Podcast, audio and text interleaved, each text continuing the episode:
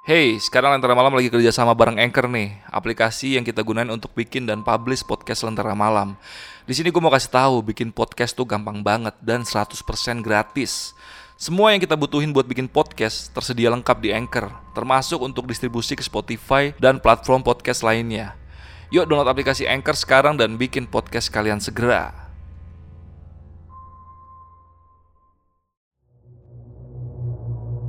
Assalamualaikum warahmatullahi wabarakatuh. Selamat malam teman-teman. Baik lagi di Lentera Malam bareng gue Adit. Sekarang kita lagi ada di segmen Saksi Misteri nih.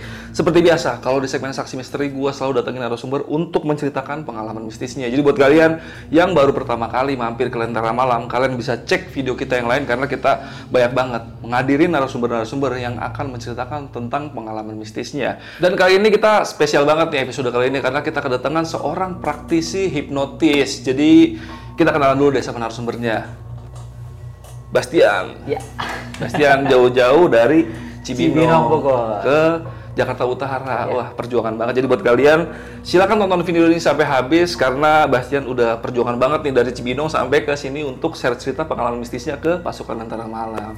Dan lu kali ini mau cerita pengalaman mistis lu yang mana nih, Bas? Pengalaman mistis uh, tentang perjalanan karir saya. Iya, jadi tadi pas off cam itu Bastian sempat cerita ini pengalaman pertama kali lu ketemu mistis saat lagi ngehipnotis orang ya. Betul. Aduh gila. Emang kalau hipnotis gini berkaitan sama pikiran bisa berkaitan sama hal-hal mistis juga ya. Ya. Dan Bastian ini juga punya YouTube channel ya, Bas ya? Punya YouTube channelnya apa, Bas? Bastian Pionit. Ya, itu isinya tentang yang berkaitan sama dunia hipnotis ya. Dunia hipnotis. Dan lu pernah juga ngehipnotis siapa namanya? Abah siapa? Uh, Abah Ismail. Abah Ismail. Jadi buat kalian yang yang nggak tahu Abah Ismail itu adalah Abah Ismail itu adalah seorang ODGJ ya. Iya. Dan di situ lu sempat ngehipnotis dia. Hipnotisnya kayak gimana tuh, Bas?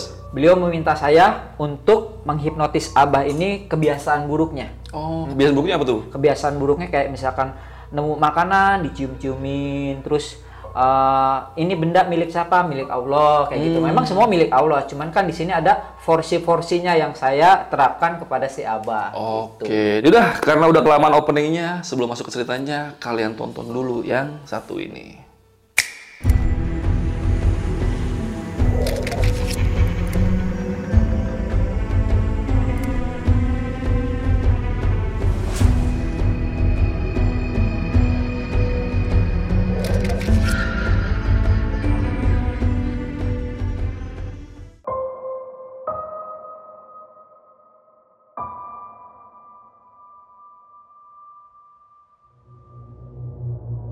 Oke, perkenalkan nama saya Bastian Pionit. Saya adalah seorang praktisi hipnotis. Saya bergelut di bidang hipnotis itu dari tahun 2012 sampai saat ini. Nah, saya ingin menceritakan kepada teman-teman bahwa ada kejadian yang sangat mungkin ganjil ya kalau menurut saya. Kejadian tersebut di 2015 itu saya awalnya dikontak oleh seorang IO atau event organizer. Saya dikontak, "Bas, di sini ada job. Bulan ini ada job atau hari ini ada job." Oke.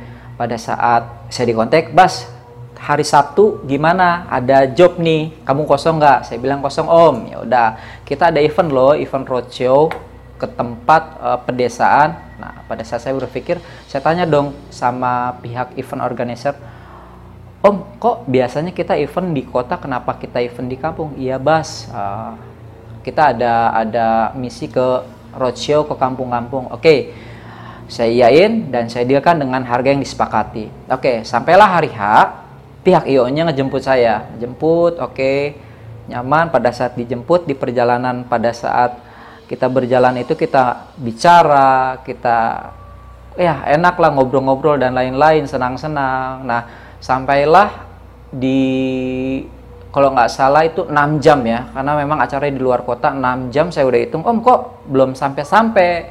Di mana acaranya? Dikit lagi bas. Nah pihak IO nya bilang dikit lagi dikit lagi. Oke saya tunggu lagi sampai saya tiduran. Nah pada saat saya buka mata bangun itu udah sampai dan saya hitung-hitung itu sekitar 8 jam 8 jam perjalanan. Memang jauh sekali di luar kota masih di Jawa Tengah ya tepatnya di Jawa Tengah Oke dari dari Bogor ke Jawa Tengah tuh lumayan luar biasa karena posisinya di situ macet juga.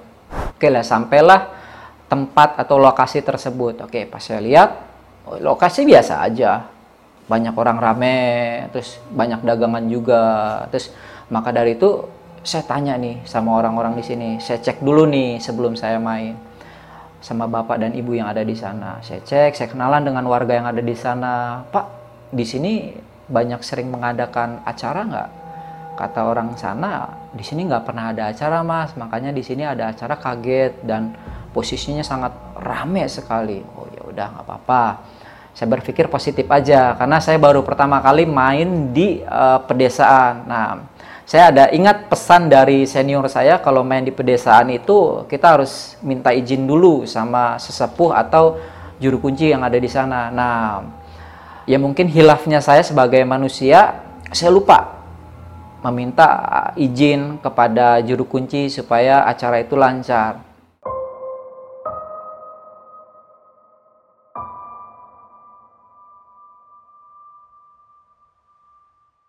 Nah, singkat cerita saya mulailah tampil ke depan panggung, dipanggil nama saya Bastian Pionit. Oke, saya jelaskan ada saya seorang hipnotis, saya mau menghipnotis teman-teman yang ada di sini. Nah, saya dapat nih 10 orang untuk menjadi partisipan.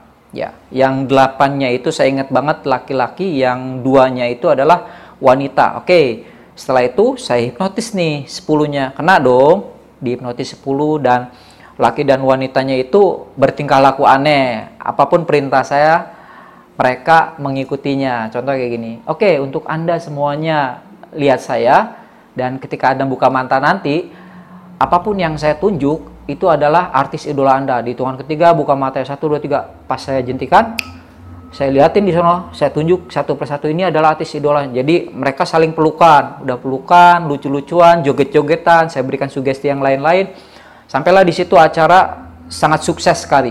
Orang-orang sudah tertawa, senang sekali dengan ada adanya acara hipnotis. Nah, saya ingat di situ jam 19.35 lewat itu saya mau memberikan sebuah konsep yang impromptu. Saya melihat ada pohon pisang banyak kan dikelilingi di depan saya itu. Saya lihat wah ada pohon pisang nih gimana nih konsepnya kita main mistik-mistikan oke itu itu improv saya ya main mistik-mistikan oke jadi 8 orang ini, yang laki ya, 8 orang ini saya hipnotis dulu. Untuk Anda orang yang saya sentuh, di hitungan ketiga ketika Anda buka mata, Anda lihat pohon pisang ini berubah menjadi makhluk ya mungkin Anda paham ya, saya nggak nggak berani nyebutin, makhluk putih loncat-loncat, ya seperti itu. Ketika Anda buka mata, satu dua tiga buka matanya, nah si 8 orang ini buka mata dan dia kaget semuanya. Ada yang teriak, ada yang peluk-pelukan, terus ada yang ngumpet di kolong kursi. Nah, yang dua cewek ini belum saya hipnotis. Tapi anehnya yang dua cewek ini memberikan reaksi. Saya berpikir, kayak ada yang ganjil nih. Kok cewek ini belum dikasih sugesti, dia memberikan reaksi. Kalau di, uh, di keilmuan saya mungkin di situ adalah abreaksi dari sekeliling. Mungkin gejala abreaksi dari sekeliling. Tapi ketika saya lihat, saya telusuri lagi, deketin lagi ternyata wah ada yang aneh nih. Terjadilah si wanita ini tertawa nyinden joget dan lain-lain. Nah saya kaget dong mungkin kan mata penonton yang melihat teman-teman yang dihipnotis di sini adalah yaitu hipnotis.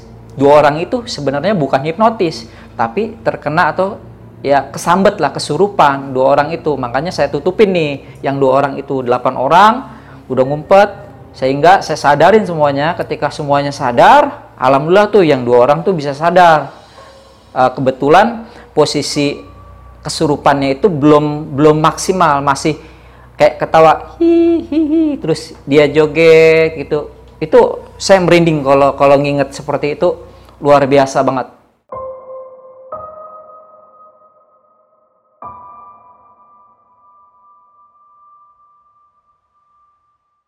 Setelah acara selesai, 10 orang yang saya hipnotis tiba-tiba kesurupan massa. Acara pun menjadi berantakan, tidak terkontrol, warga-warga pada panik dan di saat kondisi tidak terkontrol, ada kakek-kakek mendekati saya berbaju hitam mengatakan, "Kunaon iya, Jang? Kenapa ini, Jang?" Saya bilang, ini kek 10 orang ini kesurupan. Lalu kakek tersebut menghampiri 10 orang yang kesurupan. Setelah 10 orang itu sadar, lalu Abah menghampiri saya dan mengatakan kamu tidak izin ya. Lalu saya bilang, ya bah, saya minta maaf, saya tidak izin. Lalu Abah mengatakan kembali, kamu tahu nggak, penunggu di sini tuh marah. Mereka tidak suka kalian bikin acara di sini. Dan kamu harus tahu, karena dulunya tempat ini adalah tempat pembuangan mayat. Begitu kata Abah. Saya pun minta maaf kembali dan setelah semua kondusif, tim dan teman-teman mulai beres-beres dan kita kembali pulang.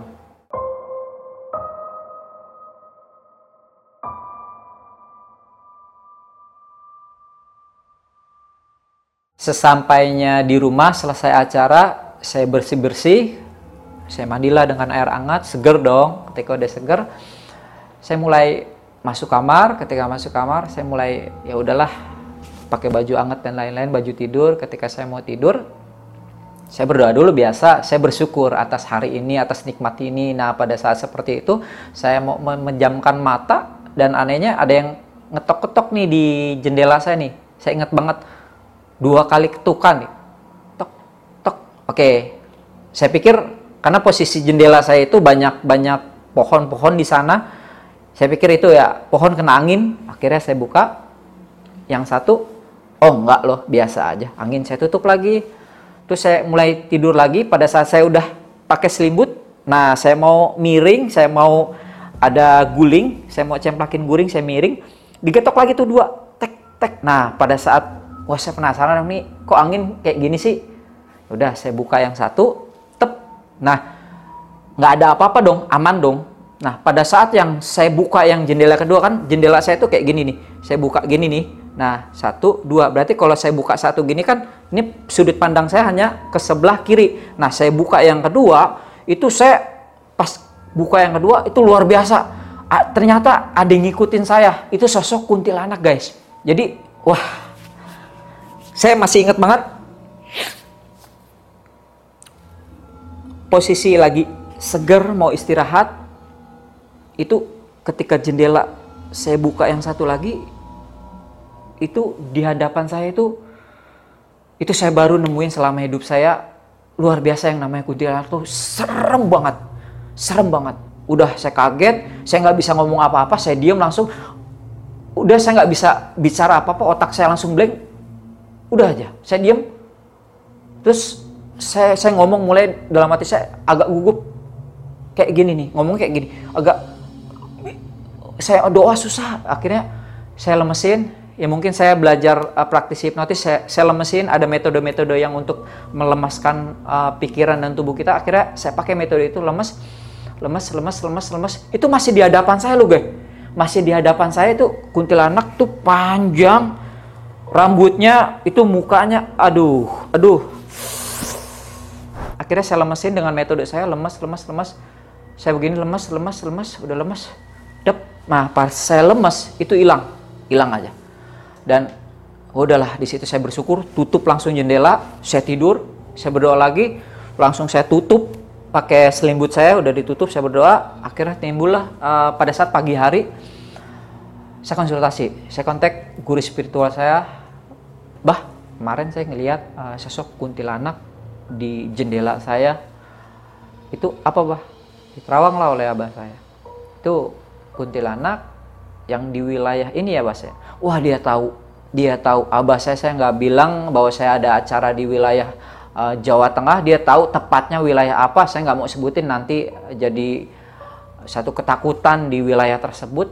Pokoknya Abah itu detail tahu. Jadi Abah ini ada dua Abah yang menyembuhkan di lokasi dengan Abah yang uh, spiritual saya.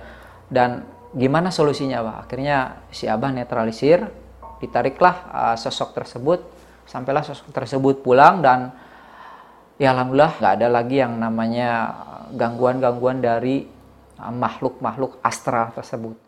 Hey, sekarang Lentera Malam lagi kerja sama bareng Anchor nih, aplikasi yang kita gunain untuk bikin dan publish podcast Lentera Malam. Di sini gue mau kasih tahu, bikin podcast tuh gampang banget dan 100% gratis. Semua yang kita butuhin buat bikin podcast tersedia lengkap di Anchor, termasuk untuk distribusi ke Spotify dan platform podcast lainnya. Yuk download aplikasi Anchor sekarang dan bikin podcast kalian segera. Pesan saya sih sederhana buat teman-teman. Uh, ini pengalaman saya dan ya awalnya balik lagi saya nggak percaya yang kayak gitu-gituan. Tapi ya ketika saya merasakan bahwa saya itu percaya ada yang namanya bahwa kita tuh di sini tuh nggak sendirian. Kita tuh di sini ada yang mendampingi.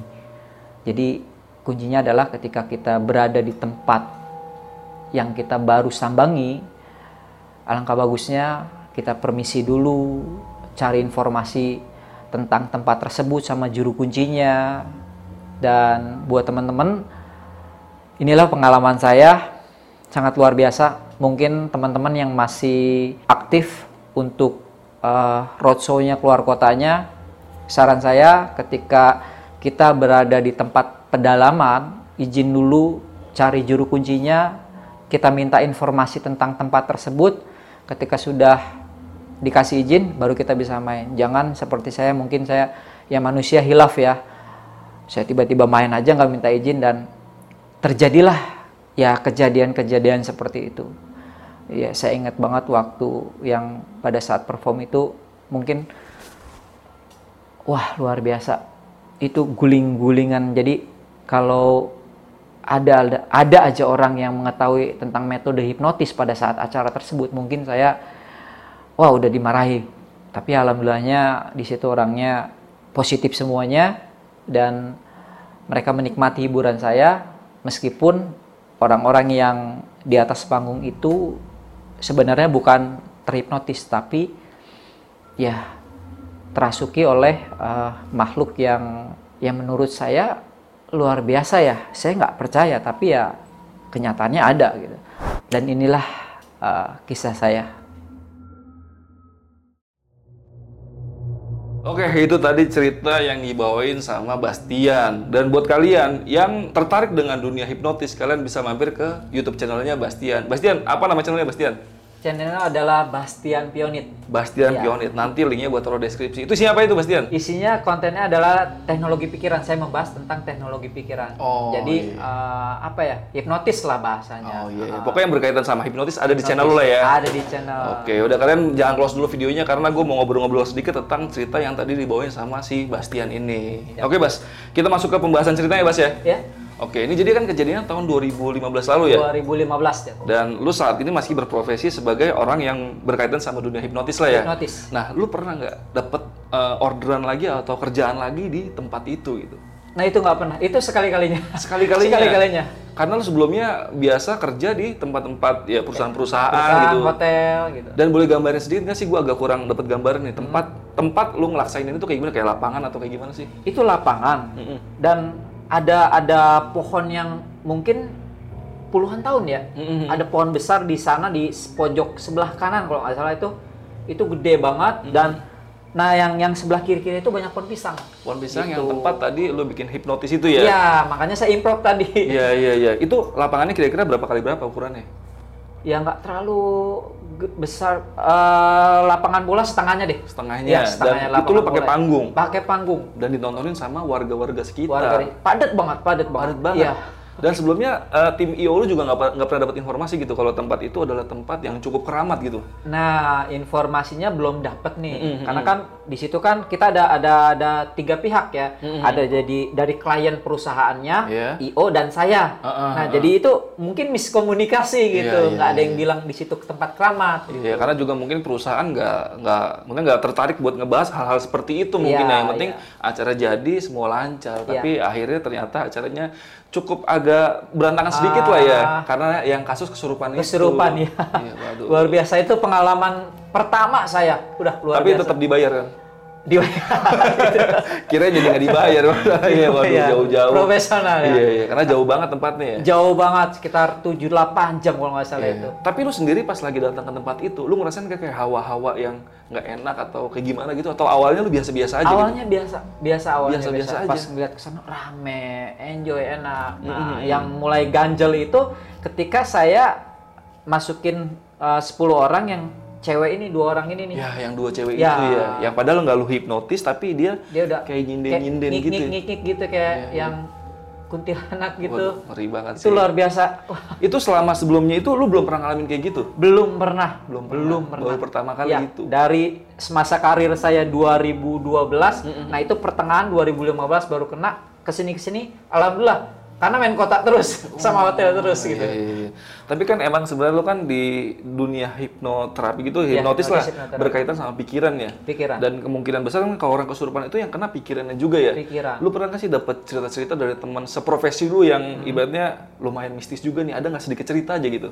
cerita mistis kalau teman sih sebenarnya lebih apa ya nggak percaya gitu Hmm, karena mereka kita kita punya punya apa namanya teori bisa mengilmiahkan orang yang kesurupan gitu Ya, ya, tapi ya. ternyata saya merasakan yaitu Di situ ya. di situ Dan sempat lu ada cerita juga tadi pas kita lagi off cam ya, Hmm. temen lu yang pas di daerah Kalimantan ya. Oh iya, sedikit Kalimantan. tuh, boleh tuh ceritain nah, itu tuh. bukan bukan teman ya, Ah. melainkan guru saya itu. Oh, guru. Oh ya, guru Itu saya. gimana tuh?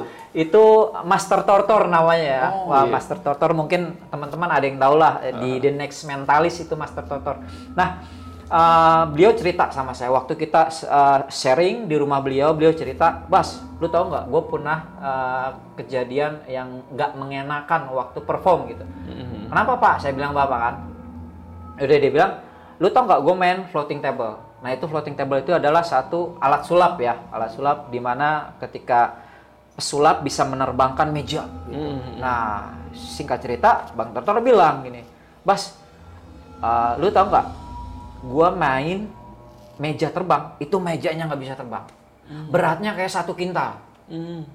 Biasanya kan harusnya pesulap itu bisa menerbangkan meja Iya iya iya. tapi itu berat dan alangkah hebatnya ya itu memang seorang guru beliau improvisasi jadi ya pas dicek dia cerita sama saya gue cek begini bas dat ini nggak bisa terbang langsung beliau improv gue panggil lima orang untuk ngangkat meja ini ternyata benar mejanya nggak bisa keangkat Oh, jadi tadinya mau bikin sulap meja keangkat. aslinya mejanya harus keangkat harusnya Sulapnya keangkat jadi Iya. meja diangkat lima orang nggak keangkat. nggak keangkat nah itulah hebatnya seorang guru In- improvisasi. improvisasi. Kalau Iya. saya mungkin blank gitu. Iya iya, karena gue cukup tertarik sama cerita itu karena itu mirip sama cerita lu berkaitan, sama-sama ngelakuin magic magic lah ibaratnya gitu di daerah pedalaman. Itu di Kalimantan. Kalimantan bisa ya? disebutin di Kalimantan. Iya. Karena Kalimantan itu wah luar biasa kalau kita nggak pamit tuh. Iya, Ya iya. paham lah anda semuanya gitu. Iya, Pesan yang bisa diambil dari ceritanya si Bastian sih selama lu ke tempat mana pun ya yang kita nggak belum pernah ke situ Iya. minimal izin atau permisi Iya.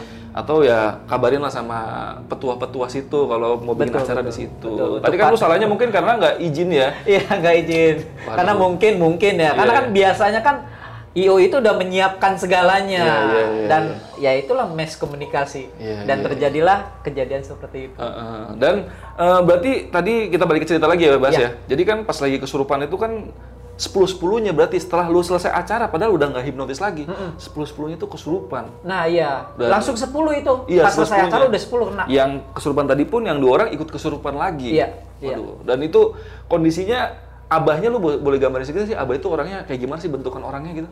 Yang Iya. nyelamatin lu ibaratnya di situ. itu luar biasa banget si Abah itu low profile ya kalau bahasa kita itu. Aha. Jadi dia pakai ciri khas kayak kalau di Sunda Jawa itu kayak apa ya? Udel-udel gitu tuh. Oh, iya, udel-udel iya. yang kain-kain batik itu Aha. dipakai terus pakai baju kayak pansi kalau nggak salah hitam-hitam semua kayak baju silat gitu. Dia datang. Dia datang tanpa Datang. lu kasih tahu gitu. Dia Iya. dia seolah-olah tahu kalau di situ lagi ada hal yang nggak beres ya. Kayaknya dia tahu karena dia juru kuncinya. Iya, iya, iya. Ya itulah kesalahan saya. Hmm, tapi lu dapat informasi nggak tentang abah itu sih? Maksudnya abah itu ada yang ngasih tahu gitu ah, setelah kejadian itu ngasih tahu abah itu sebenarnya ya petua di situ atau juru kunci Oh situ. iya, iya, iya. Setelah selesai acara itu udah kondusif, baru ngobrol-ngobrol ya, ya udah, minta maaf dah semuanya Iya, gitu. iya, iya. Karena emang abah itu ternyata juru kunci di daerah situ. Memang juru kunci di Dia tahu banget sejarah dari tempat itu gitu. Iya. Wah gila itu tempat tempat pembuangan mayat dulunya. Buangan mayat. Dan mungkin ya mungkin mayat-mayat zaman dulu identitasnya nggak jelas kali ya. Mungkin Iya. asal buang-buang aja di situ zaman-zaman penjajahan mungkin kan.